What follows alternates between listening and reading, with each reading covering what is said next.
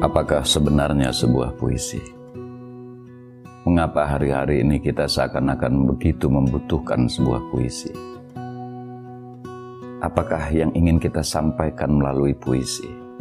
Apakah yang bisa diberikan puisi bagi jiwa kita atau bagi orang lain? Mengapa di saat kita jatuh cinta atau merasa kesepian karena ditinggalkan? Di saat kita begitu merindukan teman, di saat kita pelan-pelan membangun sebuah harapan yang tak mudah untuk kita tegakkan. Mengapa di momen-momen itu seseorang membutuhkan puisi? Mengapa bukan semacam kata-kata yang jelas, lugas, yang kita pilih untuk mengabadikan momen-momen seperti itu? Ya, di tengah hidup yang makin rutin, yang makin verbal, yang segala sesuatunya dengan berlebihan terjelaskan, ketika segala sesuatu dengan mudah dapat dicitrakan, bahkan dengan sangat dramatis.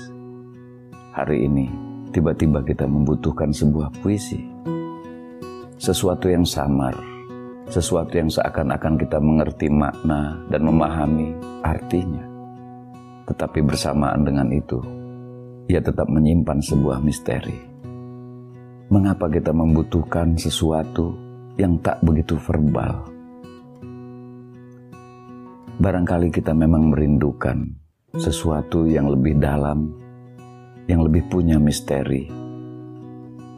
Kita membutuhkan puisi agar tak seluruhnya menjadi terlalu dangkal dan serba permukaan kita bisa bergembira atau juga bisa berbahagia dan merasa senang ketika hari-hari ini begitu banyak anak-anak muda yang menggemari puisi.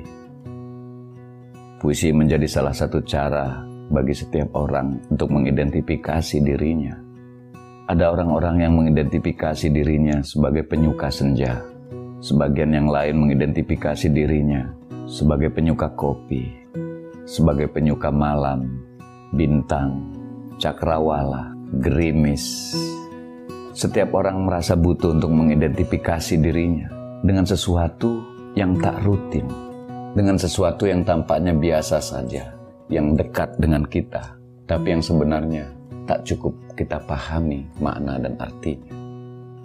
Tetapi kalau puisi semata-mata dianggap sebagai serangkaian kalimat indah yang bisa mempercantik penampilan kita di media sosial, atau membuat penggemar kita menjadi terkagum-kagum kepada apa yang kita tuliskan pada status di media sosial. Saya kira puisi sudah lama berakhir.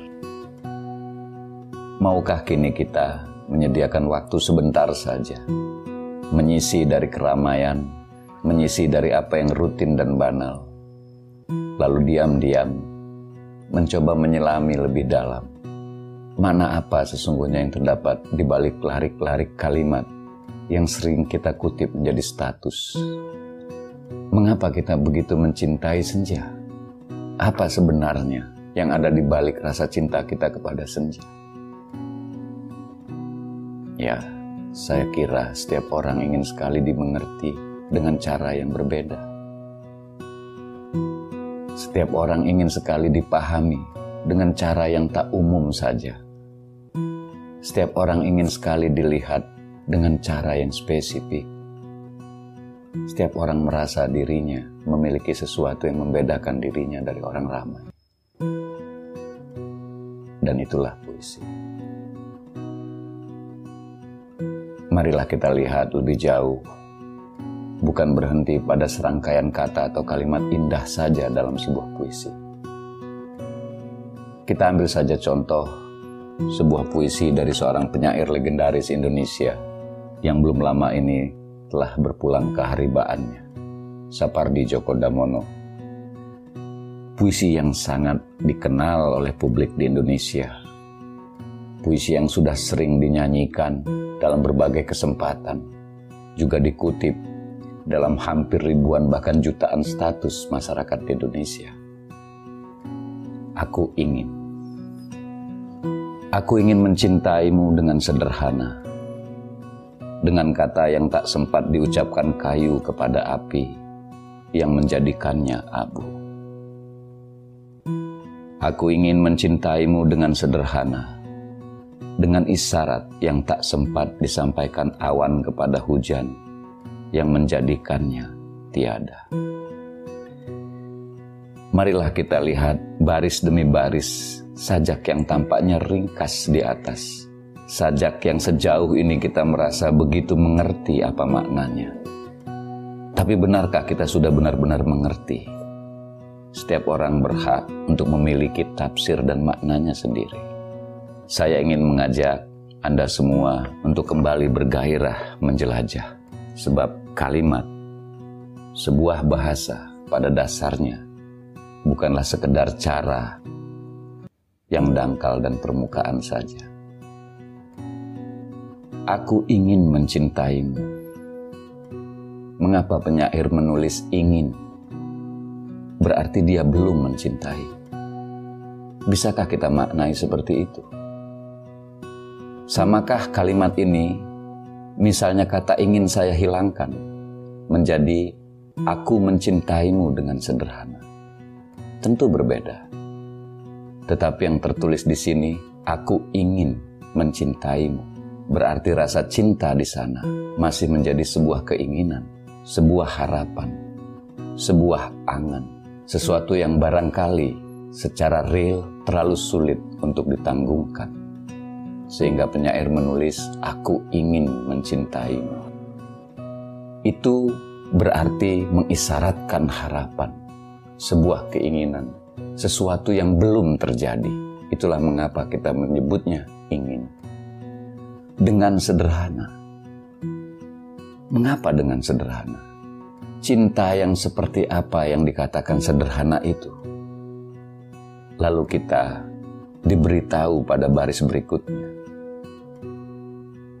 dengan kata yang tak sempat diucapkan kayu kepada api yang menjadikannya abu. Baris-baris ini memberikan kepada kita rasa cinta yang sederhana itu dibayangkan adalah sebuah kata yang tersimpan di dalam diri sebatang kayu yang terbakar api. Kayu tak sempat mengucapkan kata itu hingga api meleburnya menjadi abu. Mari kita perhatikan.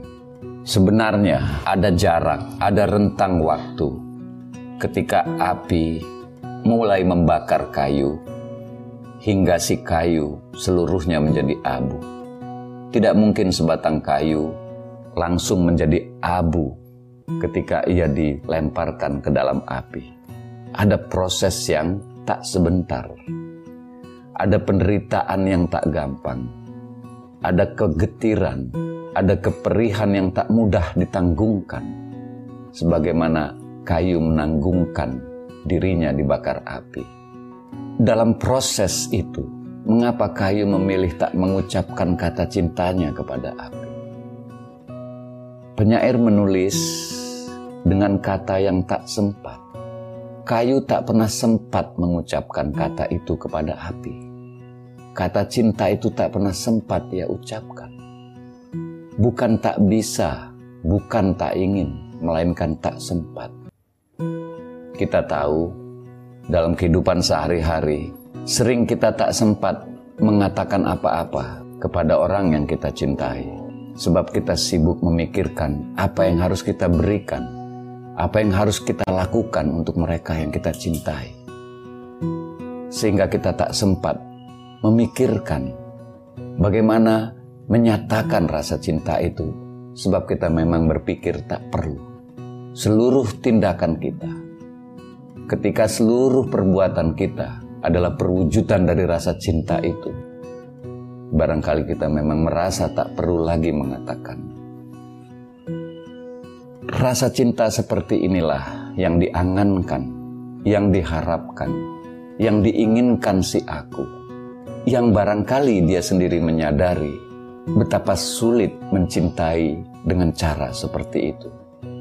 Sehingga dia menulisnya, aku ingin, aku mengangankan, aku berharap bisa mencintaimu dengan cara yang sederhana, yakni dengan cara mewujudkan rasa cinta itu menjadi tindakan-tindakan mencintai.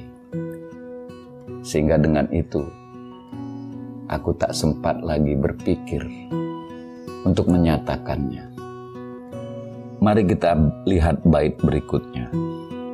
Aku ingin mencintaimu dengan sederhana, dengan isyarat yang tak sempat disampaikan awan kepada hujan, yang menjadikannya tiada. Masih dengan cara yang sama di bait pertama, penyair menulis, "Aku ingin mencintaimu." Masih mengangankan cinta, mengharapkan bisa mencintai dengan sederhana. Kalau di bait pertama tertulis dengan kata yang tak sempat, maka di bait kedua ini dia menjadi lebih halus, lebih rahasia lagi, lebih abstrak. Dia menggantinya dengan isyarat yang tak sempat. Bahkan sekadar isyarat pun tak sempat disampaikan oleh awan kepada hujan yang menjadikannya tiada. Dia mengajak kita untuk memasuki lapisan-lapisan yang lebih dalam, lebih halus, sekadar isyarat saja tak sempat. Mengapa demikian? Karena begitu ia lebur di dalam rasa cintanya. Ia begitu dikuasai oleh rasa cintanya. Ia begitu diserap oleh rasa kagum kepada apa yang dicintainya. Sehingga ia bahkan tak sempat menyampaikan isyarat cinta itu. Ia begitu pasrah, menyerah, dan rela di dalam rasa cintanya, yang bahkan itu semua dengan risiko membuatnya menjadi tiada. Tidak ada lagi aku di sana. Aku diriku lebur di dalam cinta. Cinta mengubah ia dari hasrat memiliki, dari keinginan untuk mengambil, menjadi keinginan untuk memberi dalam setiap tindakan memberi, tentu ada keinginan yang harus kita hilangkan selain memberi itu sendiri. Sehingga pemberian menjadi bermakna pemberian. Ia tanpa pamrih lagi. Cinta membuat seseorang bukan hendak mengambil, mengumpulkan, memiliki, tidak membuat seseorang ingin merenggut sesuatu menjadi miliknya, melainkan membuat seseorang terus-menerus ingin memberi, melepaskan. Tetapi cinta yang semacam itu adalah cinta yang terlalu sulit barangkali. Sehingga penyair menuliskan, aku ingin.